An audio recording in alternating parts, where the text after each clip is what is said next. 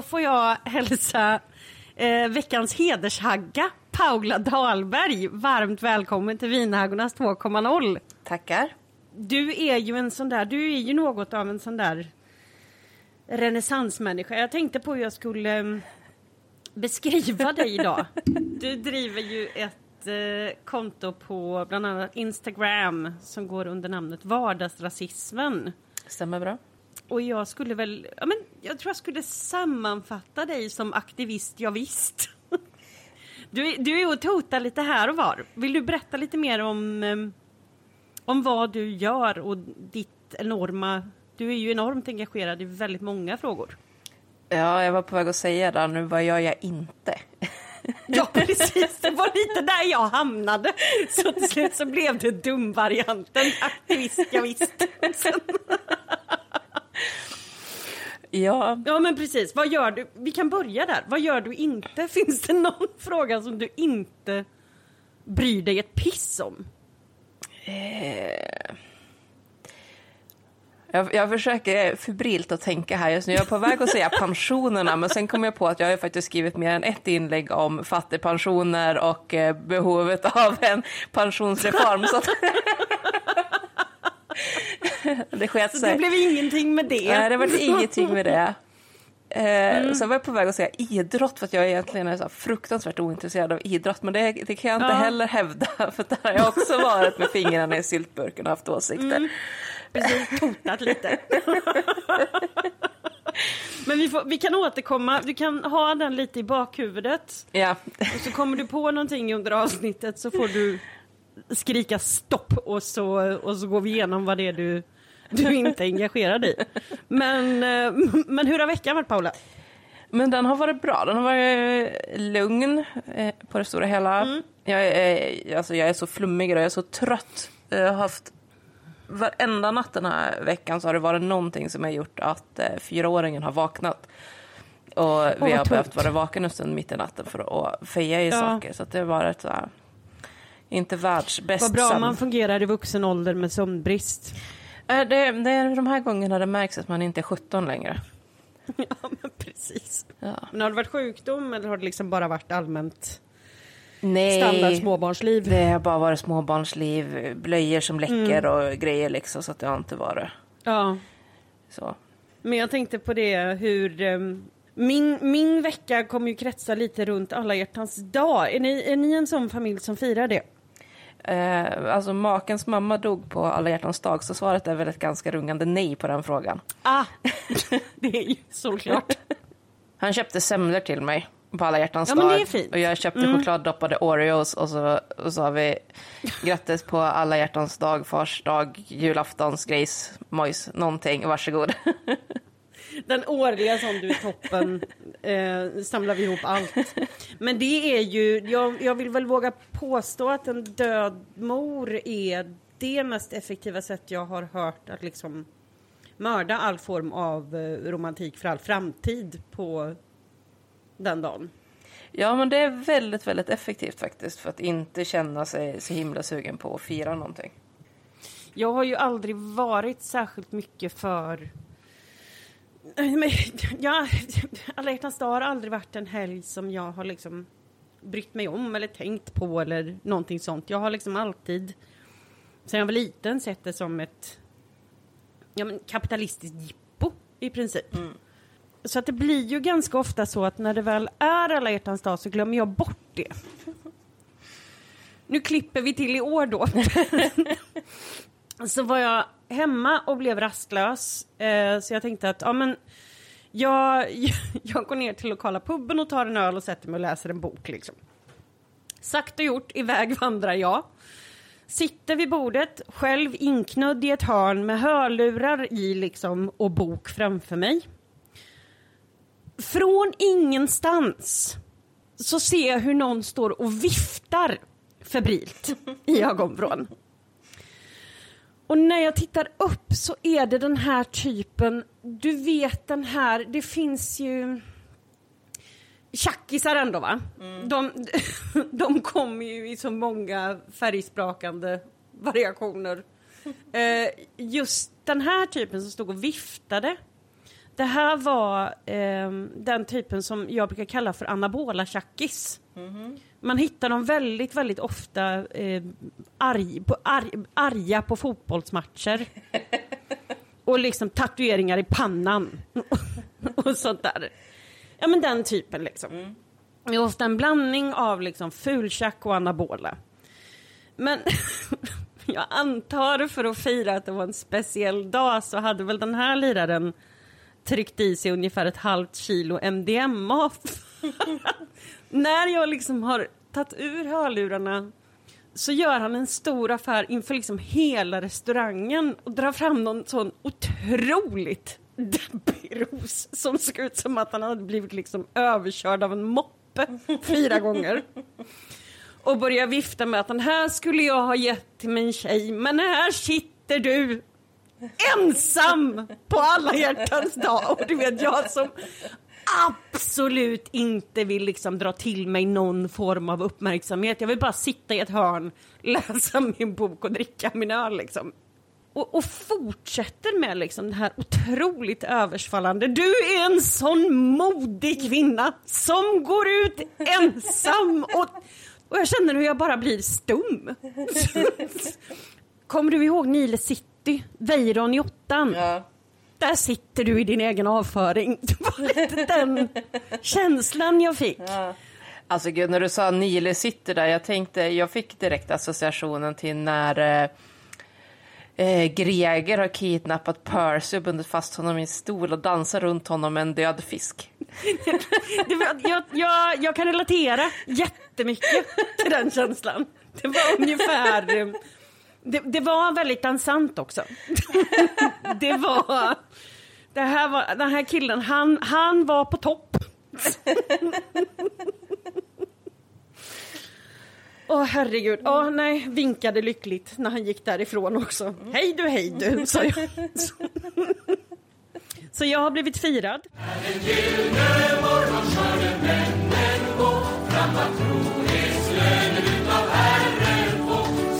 Men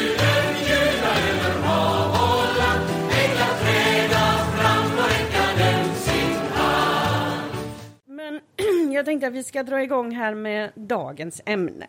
I förra avsnittet så pratade ju jag med Tanja Suhinina om Ja, men lite hur man närmar sig alternativa sätt att uttrycka sin amorositet och sexualitet på om man har lämnat sin tro i, i vuxen ålder. Eh, vad det finns för alternativ och lite om flersamhet och mycket det. Men så kom jag att tänka på just den biten också med, ja, men med identitet. Och framförallt då könsidentitet. Och då kontaktade jag ju dig. Ja. För att du är ju väldigt insatt i frågan och du är väl också du är väl en sån där eh, icke-binäris. Eller vad, vad är ditt, eh, det är det som du definierar dig som, icke-binär. Ja. Så du ska ju få vara med och ja, men experta lite idag. Men vi kommer ha samtalet utgående ifrån att säga att du lämnar tron i vuxen ålder. Ehm, du har liksom befunnit dig i det här extremt patriarkala systemet där liksom kvinna ska vara kvinna och man ska vara man och hela balletten. Men låt säga att det kanske alltid har liksom funnits ett skav eller någonting och du börjar fundera lite på vem du är såklart. Så vi ska prata lite om hur man närmar sig ja, men transfrågan med små steg. Så jag tänker att innan vi drar igång med samtalet, vilka ord behövs, behöver vi förklara? Eh, från början, lite lexikon. Cis, Cis, Tänker jag. Precis. Vi kan, vi kan börja. vill du förklara det? Vi tar de här standardbegreppen. Cis, Precis. som är det första då. Eh, C-I-S. Eh, det är, ja, den, den mer eh, man säger, bokstavliga betydelsen av det är på samma sida. Och Just det. det är ord som kommer egentligen från vetenskapen, alltså kemi, fysik och sådär. att Man pratar om cis och trans på olika sätt. Och eh, på samma sida, eh, när man pratar kring transpersoner och så, det är helt enkelt en person, den som är en cis-person är en person som aldrig har känt att eh, det kön som omgivningen tillskriver en skulle vara fel. Att, Precis. eh, vi tillskrivs ju alla ett kön när vi föds. Att, eh, man, eh, läkaren eller om man har tittat på ultraljudinnan eller liknande så här, kollar ju mellan benen på den nyfödda bebisen och konstaterar att det här Exakt. är en snopp, då var det en pojke och är det en snippa, ja men då var det en flickbebis som har fötts. Och så säger man det. Och så skrivs det in i födelseattestet och blir det juridiska könet. Och sen växer man upp så. Ehm, Precis. och ehm, ja, om man liksom växer upp så och konstaterar att nej, det är, folk säger att jag är tjej och så då är jag tjej eller folk säger att jag är kille och jag är kille. Och det är aldrig... Det stämde väl rätt bra Ja, liksom, och det, man känner, det, det Ja. känns som att det stämmer ganska väl. Liksom så. Ja, men då är man en cisperson. Och Mm. Jag vill bara lägga till på en gång. För att en sån här första sak som det liksom brukar gå på grund på där. Det är ju lite den här att alla kommer ju någon gång mer eller mindre frekvent har känt sig obekväm i könsroller. Mm. Men det är inte riktigt samma sak. Exakt. Så det, det är inte könsroller det här handlar om. Men vi djupdyker mer i det sedan. Trans, Precis. eh, att vara transperson då, det innebär att det kön som omgivningen tillskriver en krockar med hur man själv känner sig. Och eh, man pratar då om binära transpersoner, eller det som i ja, men vanlig tal är väl det den typ av transpersoner som de flesta kanske har kommit i kontakt med. Där man helt enkelt går från att vara kille till att vara tjej. Eller tvärtom då, att vara tjej till att bli kille.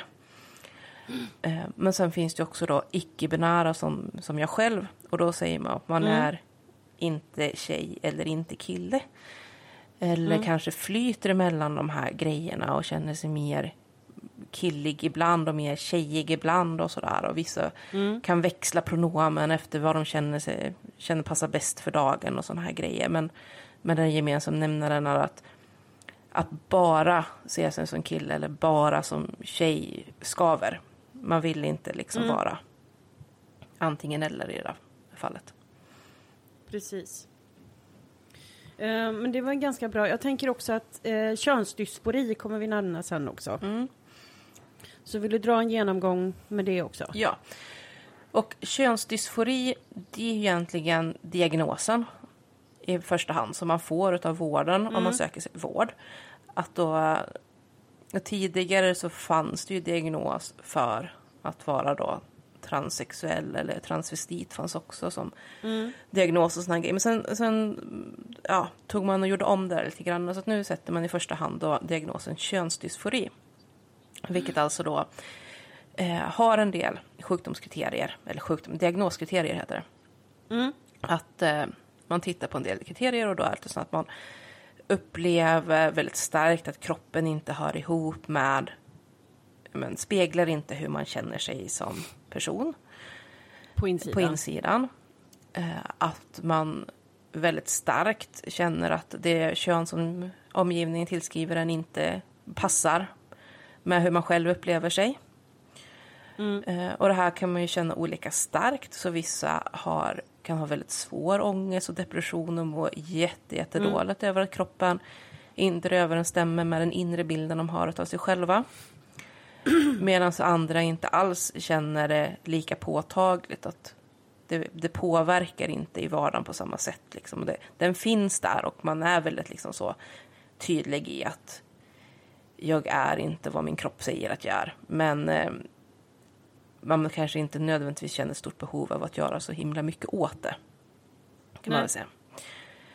Eh, och det vanligaste då för könsdysfori det är att man då får så kallad könsbekräftande vård. Just det. Ehm, Det som tidigare hette könsbyte men nu heter det könskorrigering eller innefattade könsbekräftande vård. Är det olika Ja, det, det, saker? har, det har gått... Det, det, det är samma saker alltihop egentligen. Att först så sa man könsbyte, Mm. sen sa man könskorrigering och nu säger man könsbekräftande. Okej. Mm. Och det är väl egentligen framförallt för att signalera att man inte korrigerar eller lägger till rätta någonting som skulle vara fel, utan man Just det. bekräftar det som stämmer. Ja. Eh, Men den vården kan se väldigt olika ut, så det kan ju vara att man tar hormoner eller går i terapisamtal eller opererar sig på olika sätt. Och så, så det, Men det är en olika personer har olika behov där så att det kan se olika ut Precis. vad man, vad man gör. Men när, får jag fråga när du kom ut som icke-binär? Det är sju år sedan ungefär. Mm. Vill du berätta lite om din personliga... Alltså vad som hände i dig innan, lite din personliga resa i, i den frågan? Eh, ja, det kan jag göra. Eh, det blir sådär, oj, vart ska jag börja? Ja. Ja, alltså det är väl ganska likt som jag tror att väldigt många transpersoner kan känna igen sig i. Liksom att, ehm, att hela livet som en som haft den här känslan av skav, att det är någonting som inte stämmer. Att man är liksom i, men lite osynk med övriga samhället på något sätt. Mm. Eh, och för, för egen del så har det också varit att jag har haft väldigt, väldigt svårt att känna någon form av relation till min kropp. Okej. Eh, och eh, Det tycker jag låter väldigt intressant. Får jag, får jag be dig utveckla det lite Ja. mer? Känns det okej? eh, men det är okej. Eh, men jag får väl sätta lite sådär triggervarning på att det blir lite eh, tuffa ämnen kanske här nu då kring, kring sexuella övergrepp och sådär. Eh, nej men för egen del, så jag har aldrig liksom kunnat känna någon riktig känsla av samhörighet med min kropp. Okej. Ehm, jag, som barn hade jag lång- långa perioder liksom av att tvärvägra klänning och sådana saker för att jag tyckte att det var jättejobbigt att eh, folk tyckte att jag var feminin samtidigt som jag ständigt liksom sökte vägar för att ändå lite grann kodas som feminin för att det kändes också jättejobbigt om folk trodde att jag var kille. Eh, så att jag ville ju liksom inte höra hemma i något utav det. Men de här, den här oförmågan att riktigt relatera till min kropp gjorde att jag var ju väldigt risktagande. Eh, och eh, blev väldigt tidigt utsatt för sexuella övergrepp. Just det. Och det var någonting som, som följde med egentligen genom hela min uppväxt på olika sätt. Och eh, jag, jag groomades in i prostitution som 14-åring. Eh, och det här är något som är väldigt vanligt hos just transpersoner. Att man, om man tittar på cis-ungdomar som, som groomas in i prostitution så är de några år äldre än vad transpersoner är som groomas in Okej. i det. Så man Får jag ställa eh, en fråga gällande det? Mm. För jag tänker lite att... ehm, nu, nu är inte jag en, en transperson person själv, men jag kan ändå... Det här med självhat, det har jag svart bälte i. Och då funderar jag lite på, har det att göra med liksom just den här att det någonting skaver från så unga år? Så jag kan tänka mig att det kanske föds väldigt mycket självhat i den situationen. Är det liksom, står det i korrelation till det här med att unga transpersoner eh, liksom groomas in tidigare? Ja, jag skulle säga att det handlar mer om bekräftelse. Att man söker Okej. bekräftelse.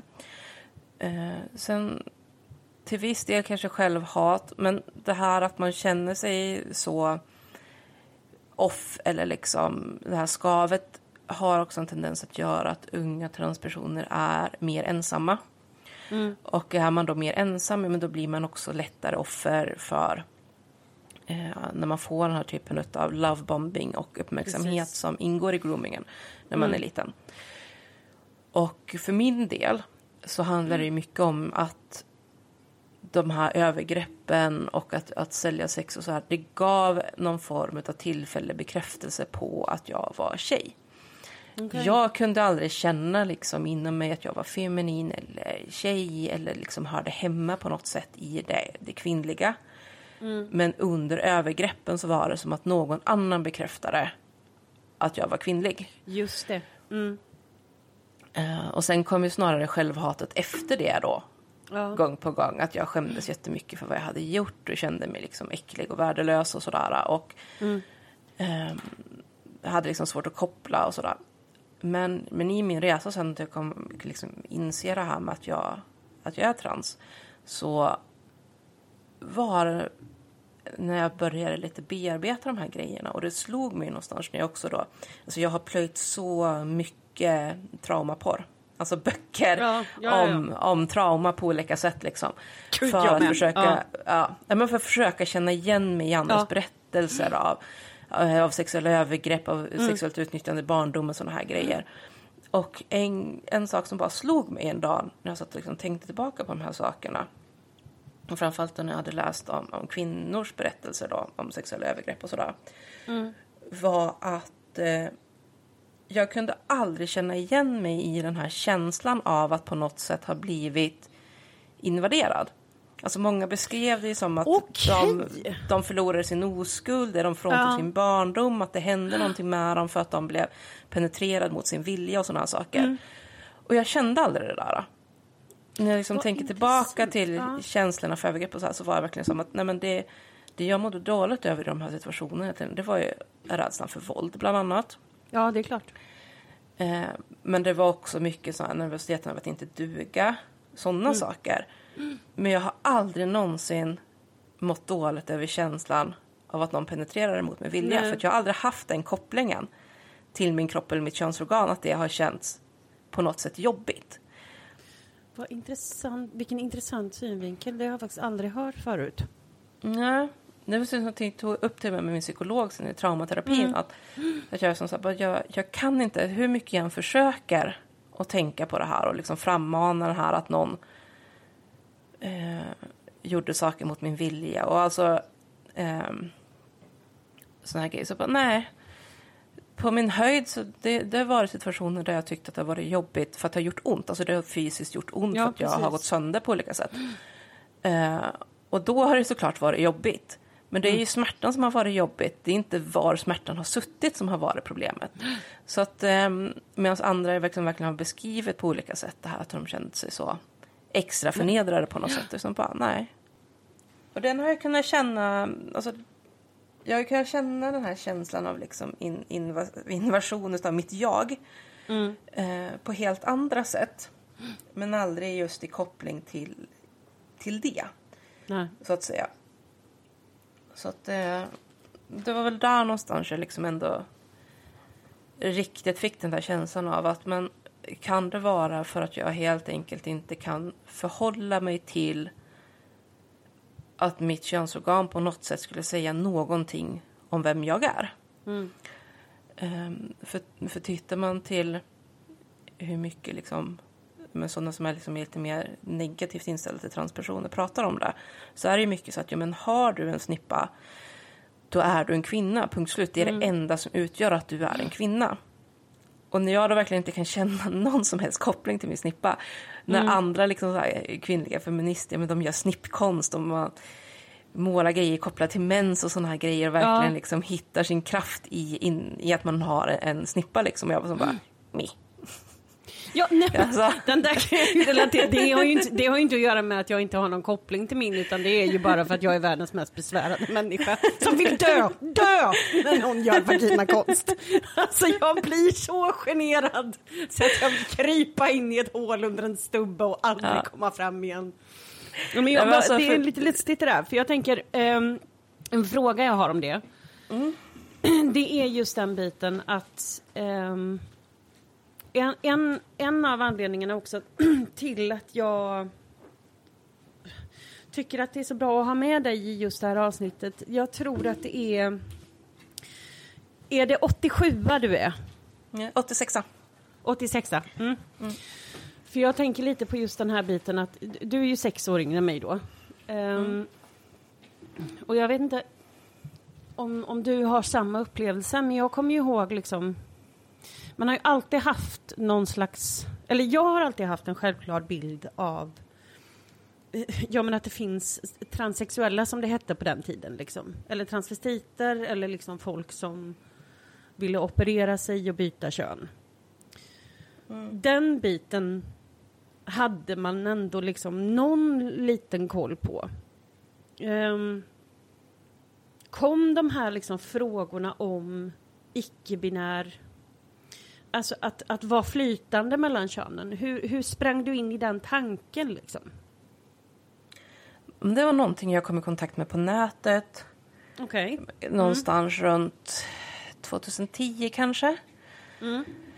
första gången. Så det, Okej. det är väl också en, en bidragande orsak liksom till att jag ändå tog tid på mig att hitta in i den här äh, identiteten. För att som Mm. säger, det, det var likadant när jag växte upp. att Den här bilden man hade av att vara transperson, det var att det var någon som gick från det ena till det andra. Exakt. Och eftersom jag väldigt starkt kände så att jag absolut inte kille. Men jag är absolut inte tjej. Nej. Så var det lite så att, ja men då är jag bara konstig. Alltså, ehm, att jag, jag var där liksom i mitten. Att det, det, det föresvävade mig inte på jättelänge liksom, att jag skulle kunna vara transperson eftersom jag var så helt inne på att ja, men om jag är transperson så måste det ju betyda att jag vill vara kille eller få skäggväxt och sådär. Och det är jag inte ett dugg intresserad av. Så att det, det tog ett tag liksom att, att hitta den grejen och, och hitta någonting att känna sig hemma i.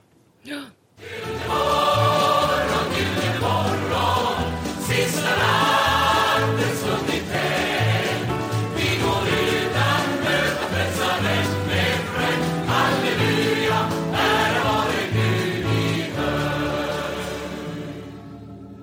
sak som, om man, om man liksom tittar på då utifrån ett perspektiv där man inte har så stor koll på liksom alla de här olika delarna som icke-binär, eh, gender fluid, alltså man flyter lite. När jag har läst på om det så ins insåg jag ju det att eh, transvestit som man kände till i, i barndomen liksom, eh, bilden av liksom män som klär sig i kvinnokläder. Det ordet betyder väl andra sidans kläder? Ja, precis. Ja. Alltså en, en transvestit är... Ja, men det är lite varierat sådär. Man lämnat det lite öppet att den som är transvestit kan eh, definiera in sig i transparaplyet. Men väldigt många gör det inte. För att om jag har fattat det rätt så handlar väl det mycket, i, i vissa fall om sexuell upphetsning? Att ikläda sig... Ja, det där är jättevarierat. Det, det finns de som har, har det som en form av sexuell fetisch. Eh, men sen finns det många som helt enkelt bara tycker att det är jäkligt snygga kläder. Eh, och iklär sig i det. Och sen eh, på grund av könsrollerna så finns ju en tendens att man belyser ju i princip bara när det är män som iklär sig väldigt typiska kvinnokläder Precis. som högklackade skor och klänning och sådär. Men det är för att det har redan blivit på något sätt så normaliserat för att mannen redan är normen. Att en, en kvinna som klär sig väldigt mycket i manskläder reagerar man inte över. Så att man tänker Nej. inte på eh, henne som en transvestit. Men i, Exakt. i ordets betydelse så är hon ju egentligen det. Ja. Och det, det är samma med att man belyser mycket kring drag queens. Och det, nu med den här drag queen store hour och bland drakar och drag queens, de två olika eh, grejerna, så har det ju varit väldigt liksom mycket om hur perverst det är och sådana grejer. Men jag tror att det är ganska få som vet om att det finns en levande drag king-kultur också. Oh ja. Med, med kvinnor som klär upp sig till män på olika sätt och, och showar liksom. Så att det, det blir ett väldigt fokus på, på männen och kvinnokläderna för att det är det man kan sexualisera även när det inte är någonting som, alltså när, även när det inte handlar om sex för den som klär sig. Jag tror också att det blir så, det blir så fokuserat på det, eh, det flamboyanta i frågan.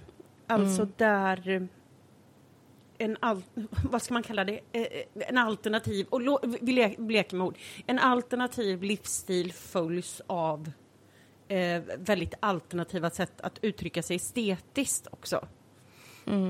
Och det jag funderar mycket på liksom i frå- frågan just, det är att ja, men, vad gör man om man är en lågmäld bibliotekarie i liksom Åsaka som inte känner sig hemma i, liksom, överhuvudtaget bland människor, men alltså just i sitt eget kön också. Lite det här, hur kan man närma sig de här frågorna liksom utan att tycka att det blir, förstår du, jag menar att det blir för läskigt med det politiskt korrekta, med liksom alla uttryck som man inte förstår, att man är rädd för att göra fel och säga fel.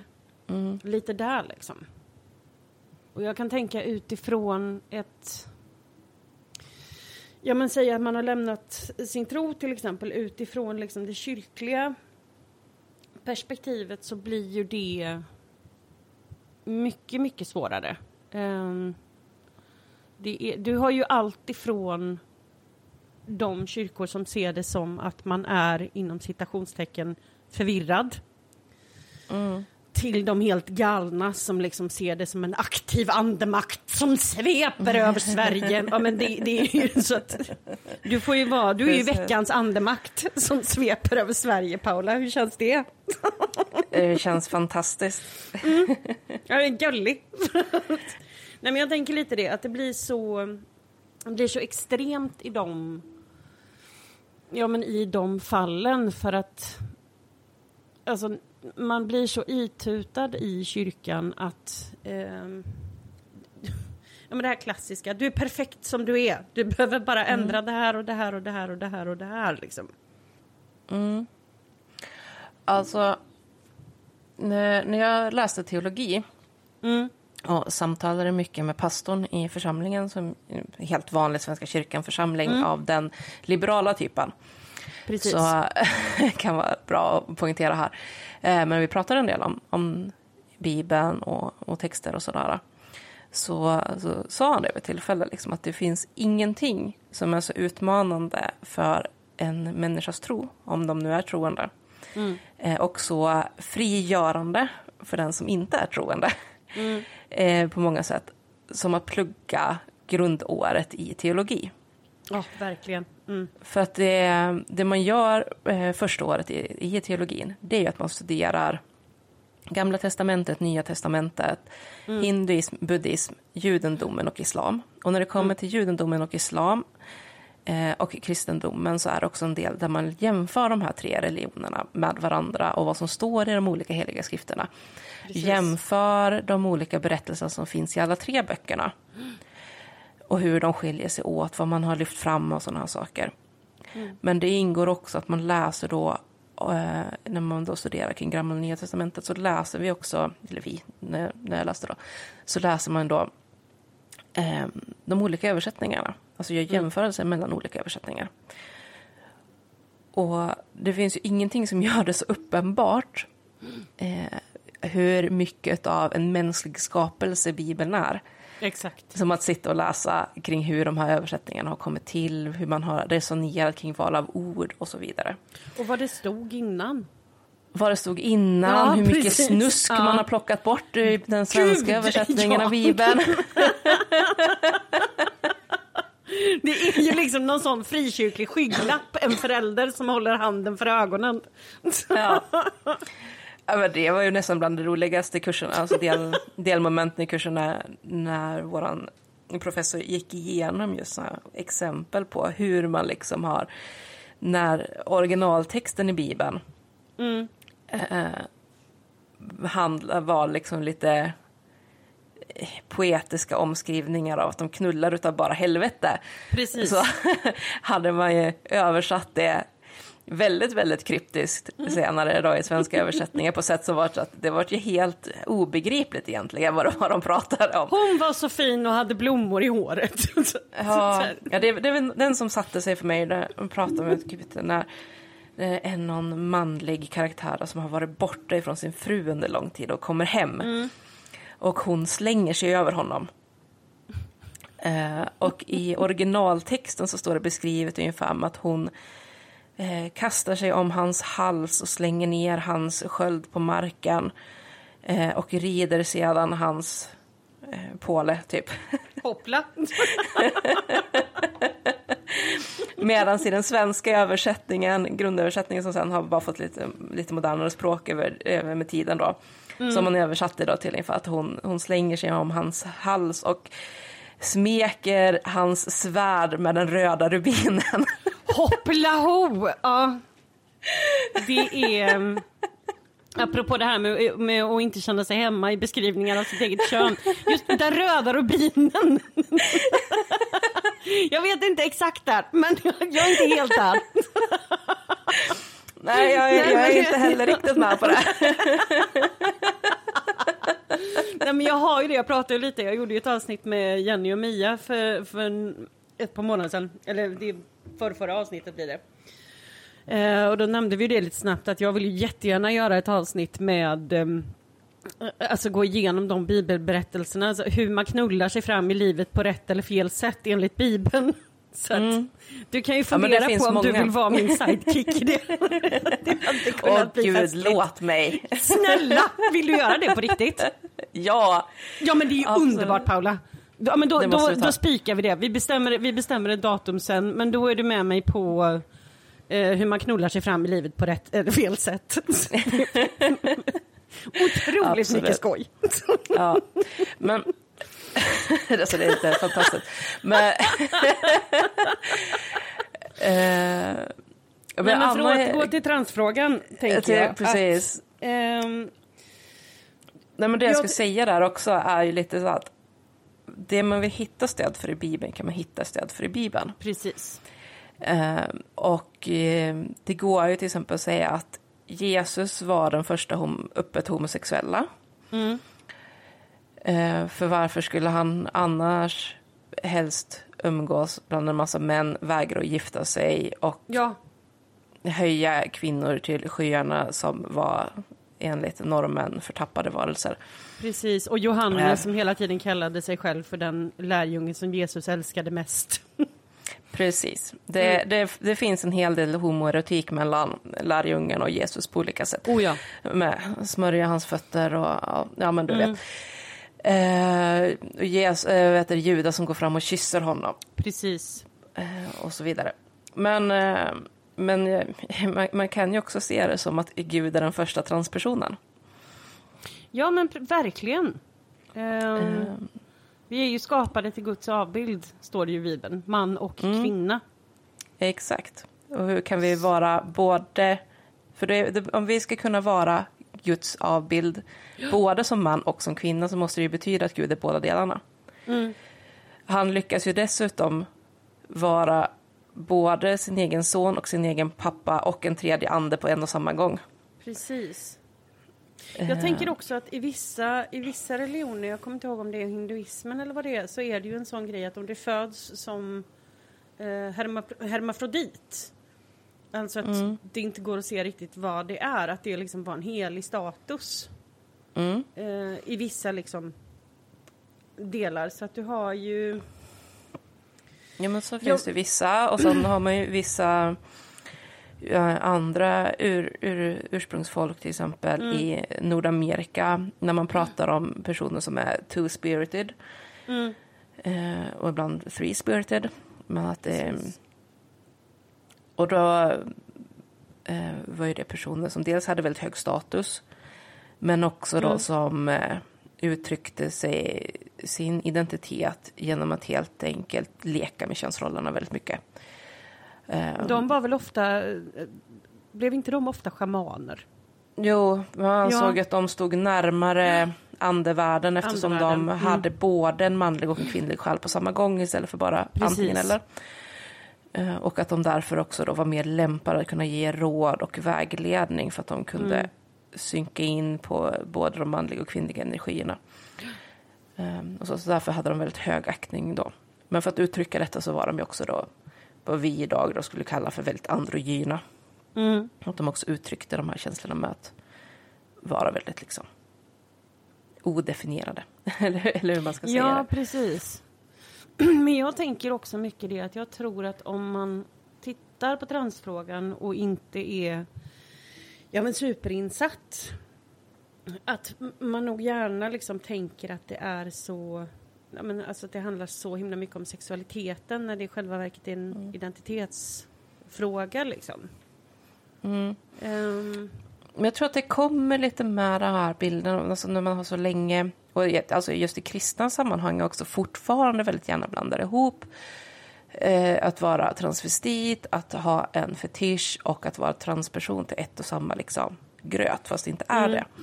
Så att det, det kan jag ju se, ja men bara som senast nu när Snickarli kom ut som, som transkvinna till exempel. mm, Eh, så var det just folk som jag, om man kikar in på deras profiler så var det ju sådana som eh, gillar så kristna konservativa grejer och så vidare.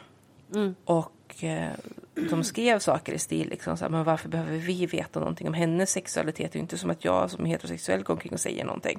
Mm. Ehm, och det är ju en sammanblandning som inte stämmer för att eh, det, det ser ju väldigt olika ut vad Oh ja. de har för sexualitet och väldigt många eh, som är transpersoner eh, kodades ju som heterosexuell innan Precis. och är homo eller bisexuell efteråt. Mm. Eh, men den gängs- gängse uppfattningen verkar ju vara att det är omvänt på något sätt. Exakt. Många gånger. Men, men det är fortfarande så att det har liksom inte... det, det är inte i det det sitter så att säga. Nej. Jag har ju väldigt, väldigt roligt åt det. Jag är ju, jag är ju lite tramsig av mig så att jag har ju väldigt, väldigt skoj åt att eh, min vän som är eh, transman och före detta troende eh, som de försökte med liksom med hela sitt liv och vara fina mot honom i den församlingen han var med och han fick liksom arbetsträna i kyrkan och allting sånt. Eh, men jag tycker ju också att det, jag hade ju, jag hade ju Nej men jag hade ju offrat alla mina äggstockar för att vara en fluga på väggen i den sekunden han sa till de här stackars kyrktanterna att jag är bög också. det är så otroligt roligt. Jag njuter av den bilden. Jag kan se framför mig hur liksom Siv med W har tagit all, all sin kraft för att försöka vara inkluderande och förstå. Och sen så kommer den här som ett brev på posten. Ja, det är så gott. Ja, det, jag tänkte på det i den här veckan. Det kommer ju en, en debattartikel om att inte göra föräldrabalken könsneutral för att skydda unga flickor och Okej. kvinnor. Eh, Och den debattartikeln var underskriven av folk från en massa olika eh, organisationer och liknande, bland annat från vissa inom Svenska kyrkan. Och ehm, och jag tänkte att fan vad det klatschar här just nu. Nu har svenska, ja, men förra året var det väl de gick ut med ett brev där de bad om ursäkt till transpersoner och kyrkans vägnar för att kyrkan har varit intolerant och sådana grejer. Och att man ska göra bättre och det finns en plats för transpersoner i kyrkan och sådär. Och sen lyckas eh, representanter för samma kyrka gå och liera sig med bland de värsta transfoberna som vi har i Sverige. Och man bara, nej men snälla ni, ni försökte så hårt och ni Ja. faller så enormt Faller så pladask på mållinjen. Ja, När den gyllne morgon de avsomnade träda fram ur gravarna att Herren se. Jubelrop och sång ska fylla himmelen. Ty de kära evigt mötas får igen. Det som, det, det som jag har sett, som jag liksom tror att många som inte är insatta i frågan kan relatera till, det är just det här att det är så otroligt kolerisk stämning i båda läger. Mm. Och den tror jag kan bli svår och, ja, men, att närma sig, om, som jag sa förut, liksom är en tillbakadragen bibliotekarie, bibliotekarie i Åsaka liksom, som funderar på sin könsidentitet. Och så närmar man sig en värld där folk är liksom helt rabiata på alla håll och kanter. Vad är din analys av varför det är sån hetsk stämning kring den här frågan? Det är ändå 2023 liksom. alltså det, det är väl som med mycket att det bottnar ju i osäkerhet och rädsla inför det som är nytt. Mm.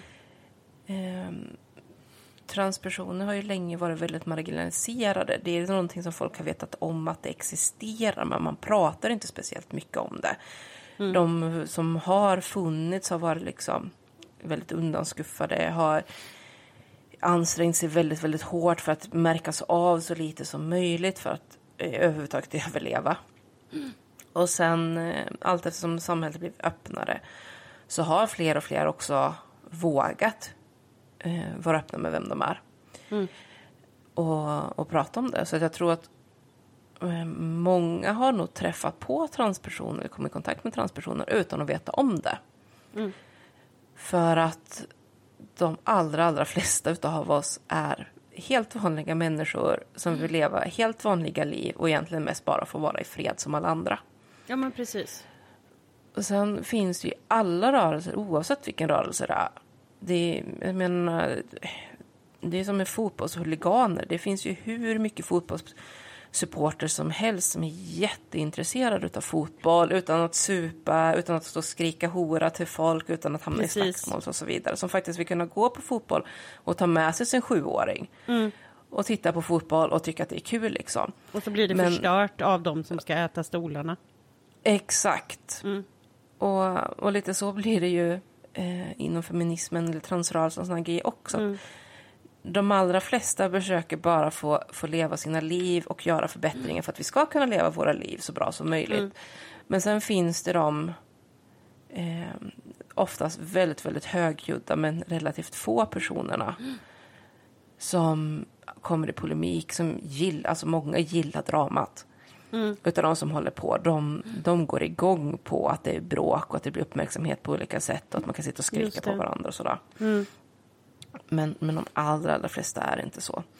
Och jag tror att man märker, skulle man våga sig till eh, men Transammans till exempel, en förening jag tycker jättemycket om. Eh, som har aktiviteter på olika sätt riktat både till yngre och till äldre transpersoner och till anhöriga. Att våga man sig iväg liksom på ett sånt eh, café till exempel för att få träffa andra så kommer man, man se det att det finns transpersoner av alla åldrar. Det finns många som kommer ut när de är 40, 50, ibland 60 år gamla. Ja, okej. Och, Ja. och påbörja den resan liksom. Som är, men, som, som vem som helst eller vad man ska säga. Alltså som kommer dit lugna och sansade och vill dricka sin kopp kaffe och få prata med andra människor som förstår hur de känner och vad de går igenom. Vanlig jävla inte kommer- bibliotekarie från Åsaka. en vanlig, liksom. vanlig bibliotekarie. Eh, det finns jättemånga av dem, men de är inte kanske de mest synliga i sociala medier som är förbannade i kommentarsfält eller eh, skriker på folk under en demonstration med sitt blåa hår. Liksom. Ja, men Jag, tror tänker att det det, kan finns bli- plats för oss alla. Ja, och det är den som jag tror är bra. Jag tänker att ehm, sen, sen i samband med att vi lägger ut det här avsnittet så ska du få ehm, skicka lite länkar och sånt till Transammans till, till exempel och sådana grejer som du tycker är bra. Men jag tänkte kolla lite, lite med dig just, du nämnde, du nämnde ju det här med Transammans. Ehm, vill du berätta lite mer om den föreningen? Hur närmar man sig? Hur vågar man liksom ta första steget? Hur gör man då? Transammans finns ju på nätet. Mm. Eh, i, de har ja, men dels en större ett konto för liksom hela Transammans. Jag tror att det finns lite för sådana lokalgrupper också. Eh, sen har de ju en hemsida som man kan gå in och kika på. Där det finns mycket eh, kunskapsmaterial egentligen. Vad, vad innebär att vara trans? Eh, vad kan man behöva? Vad kan man vänta sig till? Och sådana grejer. Eh, det finns, beroende på hur gammal man är, de har en eh, samtalsmottagning. Mm. Och där är det för dem upp till 26. Så är man Okej. 46 och precis har lyckats lämna en destruktiv tro och vill hitta någonting nytt så eh, blir det lite... Då får man kika någon annanstans liksom där. Ja. Men de har också flertalet lokalföreningar. Mm. Eh, och där kan de ha saker som tipspromenad i Karlstad.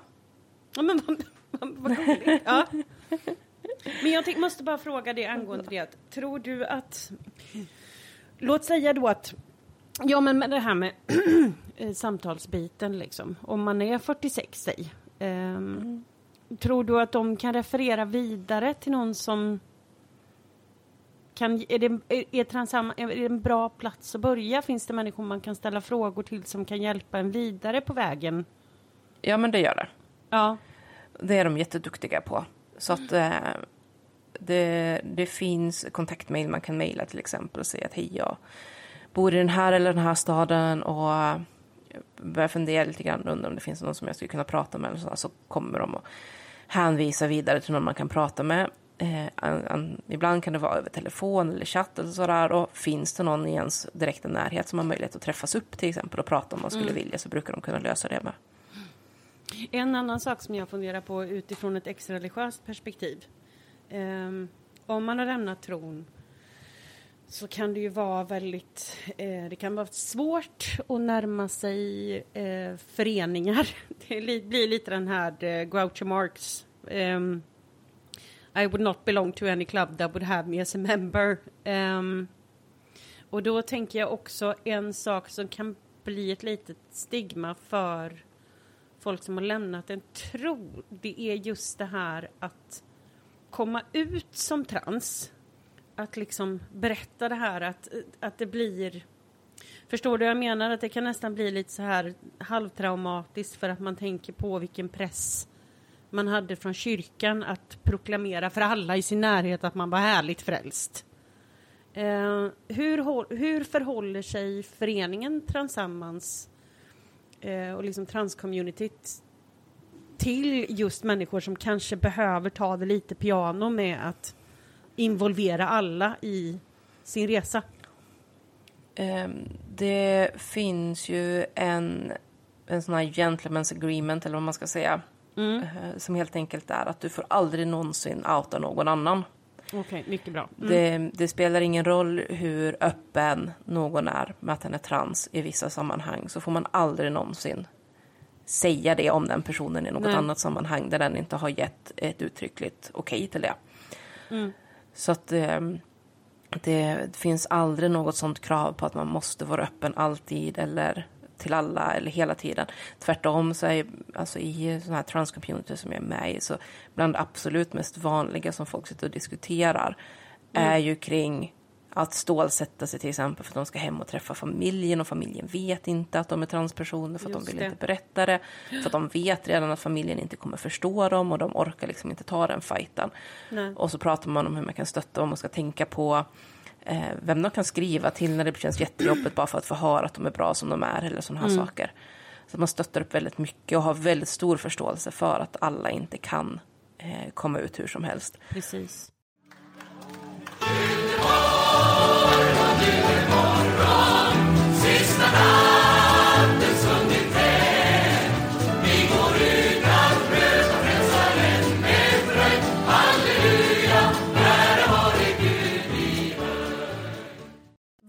Är ditt bästa tips till eh, ja, men äldre människor, eller folk överlag, de inte ens vara äldre, men som vill närma sig transfrågan och är superstressade för att felköna människor och göra dem ledsna.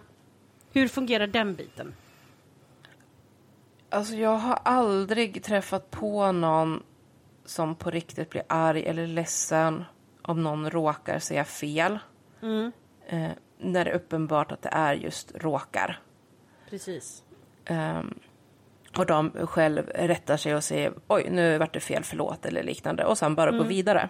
Utan det som brukar vara genomgående när folk säger att de blir liksom ledsna eller upprörda eller tycker att någonting är jobbigt. Det är antingen att man gör en väldigt stor grej av att man sa fel. Mm. Um, ja, men säg som att nu vet du att mitt pronomen är hen och så råkar du säga hon. Och istället mm. för att säga oj, det, jag menar hen, förlåt, och sen gå vidare. Ja. Så att du börjar liksom, nej men gud, förlåt, det var verkligen inte meningen och, och jag måste, jag ska verkligen, jag lovar jag ska bli bättre och så liksom drar ja. du igång en lång harang över det här. Då blir det jobbigt. Och det där är men det är inte speciellt mig. jobbigt när det bara blir ett, ett enkelt fel. Ja. Uh, men också... Så man kan så säga, ju, ursäkta, det var inte meningen att gå vidare. Ja. ja. Det, det är liksom det mest, och sen just att visa med agerande, att man faktiskt försöker göra rätt. Mm. Så är det lugnt liksom. Eh, utan det är ju sådär, man gör en stor sak av det eller de som, där det blir liksom uppenbart att man medvetet mm. eh, säger fel. Mm. Alltså när det blir så att men jag, orkar, jag orkar inte försöka, det är så mycket med alla de här pronomerna. Nu, du är hon för mig. Mm. Eller liknande. Så det, det är ju, det är ju någonting som många eh, vittnar om liksom från, från släktingar framförallt. Till exempel. Ja, men du har alltid varit en hon för mig så jag kommer fortsätta mm. säga hon om dig. Ja, men det blir folk ledsna över. Ja. Men ett ärligt misstag är ett ärligt misstag. vem, vem som helst, om man är liksom rädd att man säger fel, och så här, varenda en kommer ta mer illa upp av att man inte ens försöker, än att man försöker och råkar göra fel.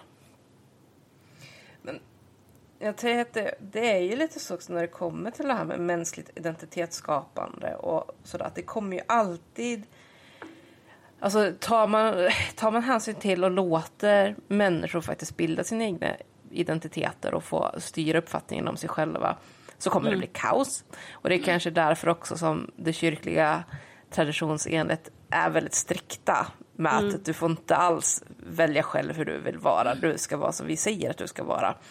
För att det gör det Precis. enklare. Ehm, för att det, jag menar, det händer ju även inom liksom så transcommunityt att man sitter och bara vad va, vad händer nu? Det, Jag vet det var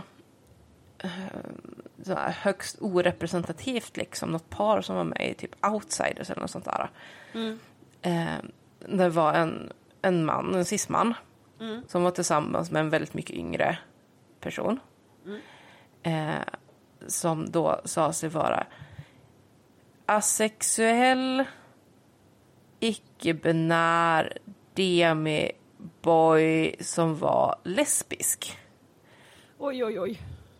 Och, och man bara, what? eh, Kan, jag få, kan du lämna ut kort? Och det, det var jättemycket debatt om det där också, liksom, bland Ja. just andra transpersoner också. Bara att, men hur kan den här personen säga sig vara asexuell och lesbisk och transperson, ja, eh, men ändå tillsammans med en man? ja. i en kärleksrelation. Det är som så här, ingenting av det här går ihop. Nej, Eh, men samtidigt så liksom, det man landar i så äh, men vi behöver inte förstå. nej. Och det är deras liv att leva. Men det blir kaos. Ja, men jag förstår det. Alltså, det kommer jag ju ihåg liksom, ehm, från när jag var med, när jag var troende. Liksom.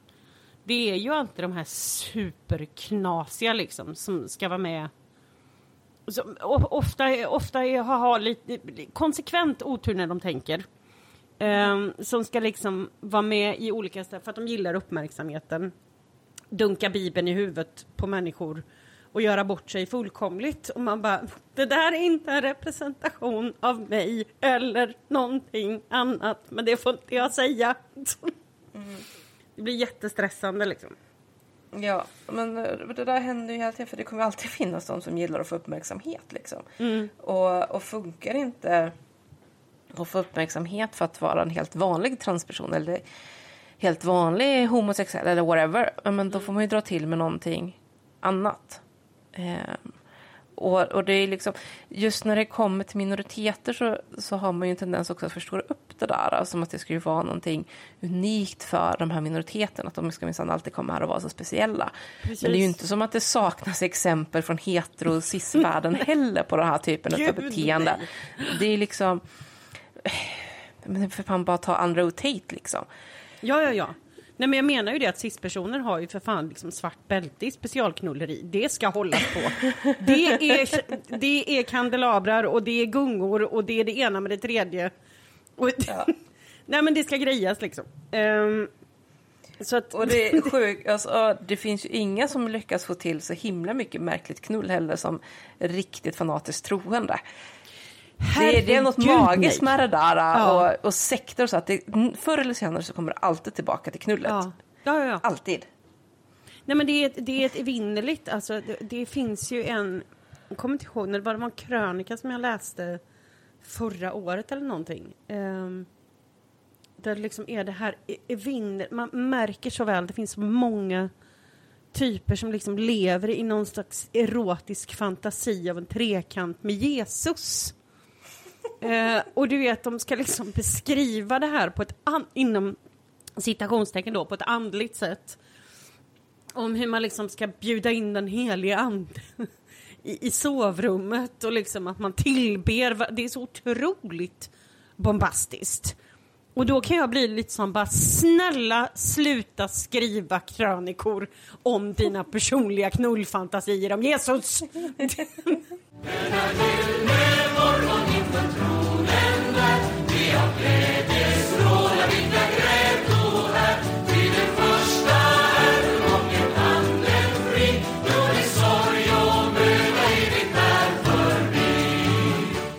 ska vi se här. Men jag, tänk, alltså, jag tänkte lite på det här också med... Du har ju, du har ju ditt perspektiv. Eh, jag har ju hört mig för lite och jag har fått in en text från eh, en vän som är transman och har en bakgrund inom kyrkan. Um, och han skriver så här. När det kommer till den exreligiösa aspekten av att utforska en transidentitet så tänker jag att det är jätteviktigt att våga tänka kritiskt även om religionen slash kyrkans idéer om kön, om könsnormer och identitet. Det finns så mycket samhällsnormer kring kön som religiösa sammanhang tyvärr kan vara ännu mer låsta vid än övriga samhället. Att det är fel med homosexualitet är liksom bara toppen av isberget och kanske något man redan tänkt kring i början av sin exreligiositet. Men när det kommer till trans är det så mycket fortfarande outtalat och samhällsnormerna kring kön är så starka. Vi tror fortfarande att vi vet saker om vem en person är utifrån att vi vet deras fysiska könstillhörighet.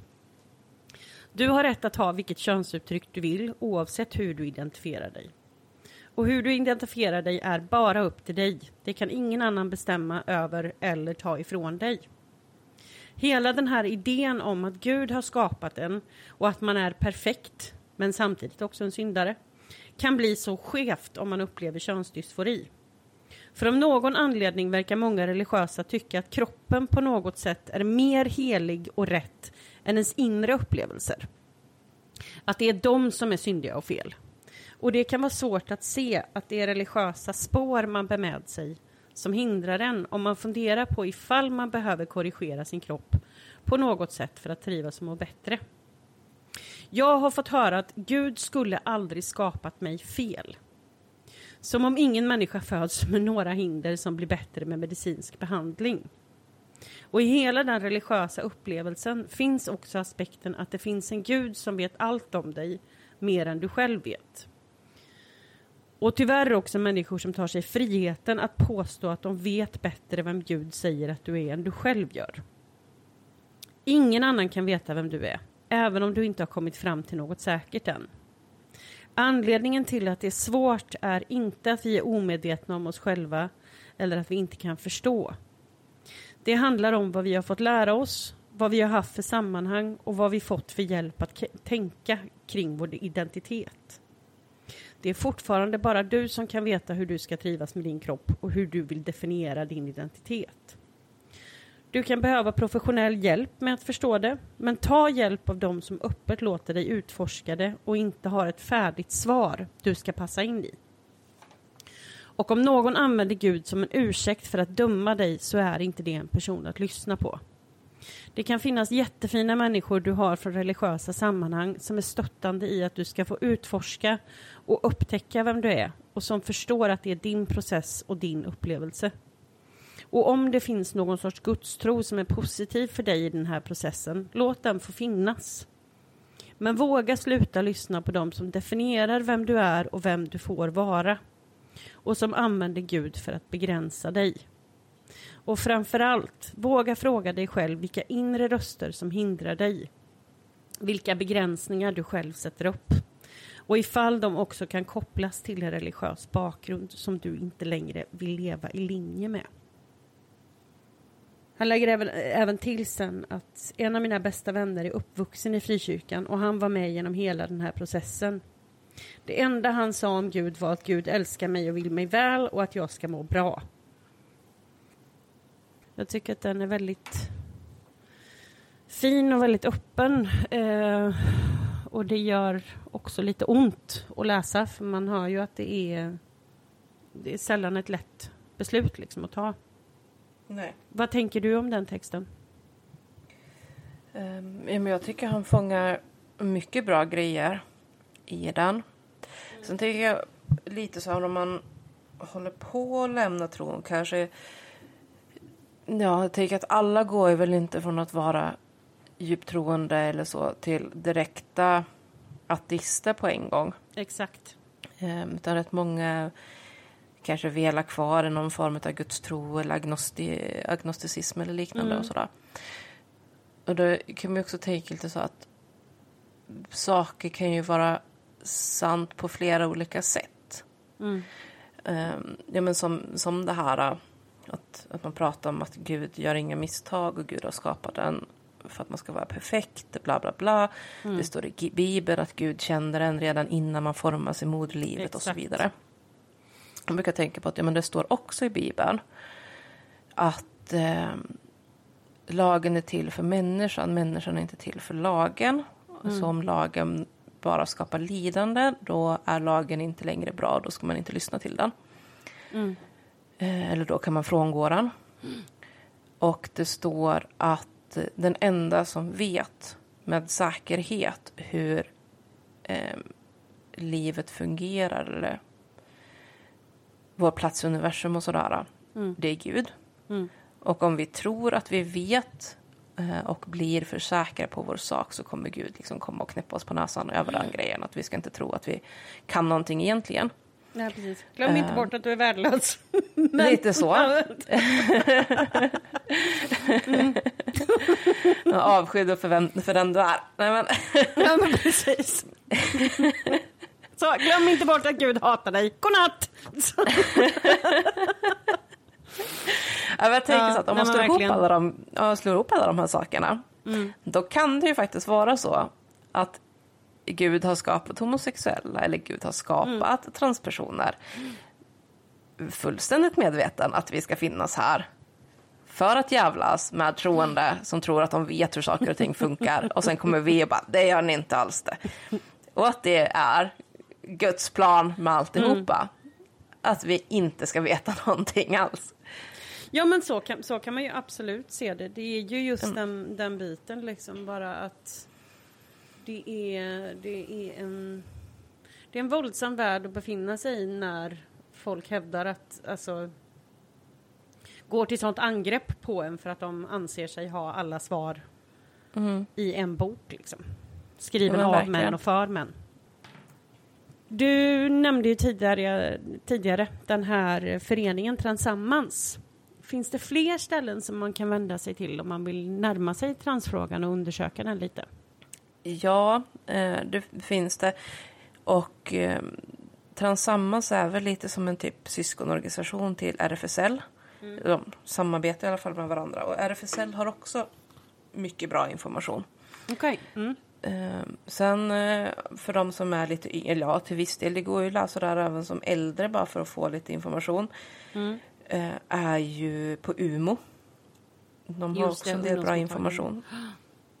Så ungdomsmottagningen på nätet. Mm. Och de har också en del vidarehänvisningar till ytterligare föreningar eller liknande som man kan vända sig till. Mm. Så jag skulle säga att de tre som en bra start liksom. Ja, men det låter ju toppen. Jag tänker lite så här, hur, när du kom fram till, vi pratade ju förut om att du hittade den här liksom biten med att vara icke-binär eh, på nätet. Um, jag vet inte om vi tog slutet på hur du landade i frågan eller om vi spånade vidare på något annat. Så vill du bara svara, eh, svara på den biten att hur, hur landade den informationen i dig och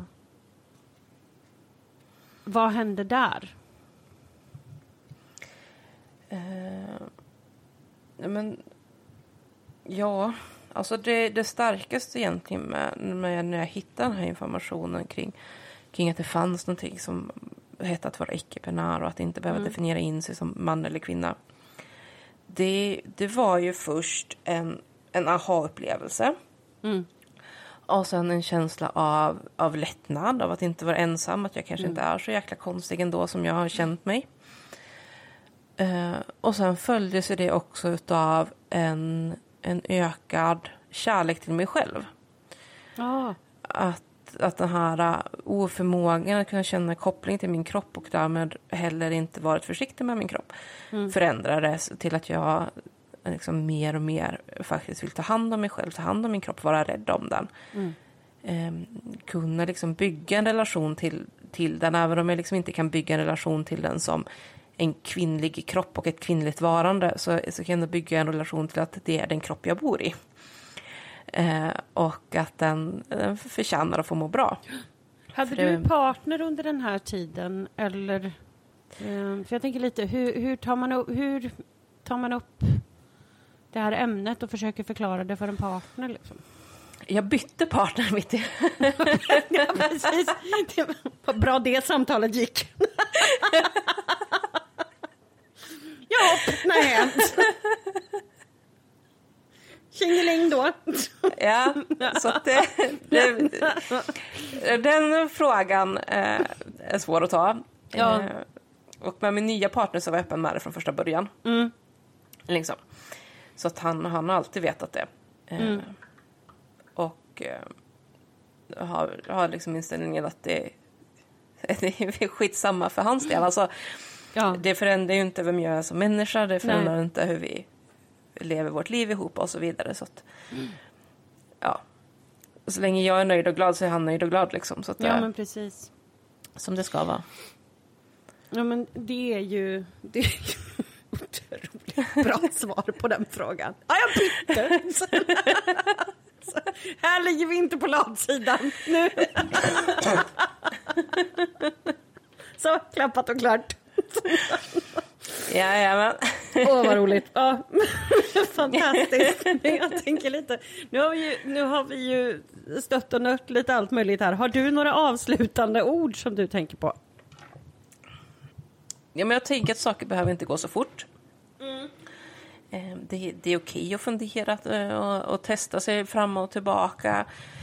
Eh, Prov, prova på hur det känns att kanske byta pronomen eller eh, växla sin klädstil eller vad det nu kan vara liksom för att försöka känna efter hur man vill uttrycka den man är. Ehm, och sen att man kan liksom försöka släppa alltså det här allt eller inget-tänket som, som ju inte bara finns i kyrkan utan i hela samhället. Liksom, att för att du ska kunna vara en riktig transperson så måste du minsann gå hela vägen och det ska vara all, alla operationer, Precis. alla hormoner och så vidare. Att det är bara bullshit. Ja, Att det är det någonting man ska liksom ifrågasätta så är det den grejen. Ehm, att det måste du inte alls det. nej men Utan precis. det, Det är ganska efter- många som har ganska allvarliga fysiska men av sina, eh, sina könskorrigerande operationer också. Precis. Ja. Alltså det, fram, alltså, det är ingen liksom, operation är ju riskfri. Nej, precis. Så är det ju. Så att det... Ska man liksom operera sig så ska det ju vara för att man känner att det är verkligen, verkligen är någonting man vill göra för sig själv. Precis. Inte för att man tror att det förväntas av omgivningen för att Exakt. kunna be- bevisa att man är transperson. Och det pratas allt mer om det, kanske framförallt för att många icke-binära får mer och mer utrymme, liksom att man pratar om det här att eh, ja, men vad är ens en icke-binär kropp liksom? För Ja. att tidigare har det, har det tenderat att bli en ganska maskulin kropp. Eh, och, och då blir det liksom så, här, men varför skulle det maskulina vara det neutrala och att man liksom ifrågasätter det allt mer? Och då blir det också svårare med det här att jaha, men på vilket sätt skulle då hormoner eller operationer hjälpa när man inte ens vet vad det är kroppen ska föreställa egentligen? Ehm, utan att man får få liksom fundera några extra varv på det där. Och sen finns det vissa som är icke-binära som kanske trivs bättre utan bröst och med skägg eller med skägg och bröst. Eller, ja, men alltså det, blir, det börjar bli en mycket större variation på det. Ehm, men, men just att därför också vara snäll mot sig själv, att det får ta tid. Man kommer inte kunna lära sig allt på en gång. Ehm, och det är... Alltså, man, får, man kan ju se det nästan lite grann som en pubertet på nytt precis. en, en hormonfri pubertet av att göra om hela den här utforskandet av sig själv och identitetsskapandet på nytt. Mm. Jag tänker också återigen det som vi har kommit tillbaka till många gånger i olika samtal eh, om allt möjligt i podden att ehm, det, finns, det finns inte en väg att gå. Det finns inte alltså ett tydligt svar utan det finns mång- många vägar att gå. Ehm, Så att man kan kolla lite för att man ska ha en chans att må, må så bra man kan i jordelivet. Liksom. Ehm, Precis. det, det känns väl som en ganska, en ganska bra avslutning. Men ehm, vi ska runda av här för nu har vi spelat in länge. Ja. Men jag vill säga världens, världens största tack Paula för att du var med idag. Det var hysteriskt kul att ha med dig. Eh, och eh, det känns ju som att eh, vårt kommande avsnitt, hur man hur man knullar sig knullar fram sig i genom- livet på rätt eller fel sätt enligt Bibeln. Det, ja, det kommer bli något. Det kommer det. Kommer det. Det det. Men då tycker jag nästan att vi, då får vi nästan ses i person. Det känns som en sån här grej som skulle kunna kräva ett glas vin och att faktiskt sitta med Bibeln framför oss och ha högläsning. Exakt! Det, hade, varit- det här ser jag mycket fram emot. Underbart. Men då, då kommer vi få höra mer av dig framöver. Jajamän. Eh, och så, så hörs vi snart. Ha det gött, hej! Hej.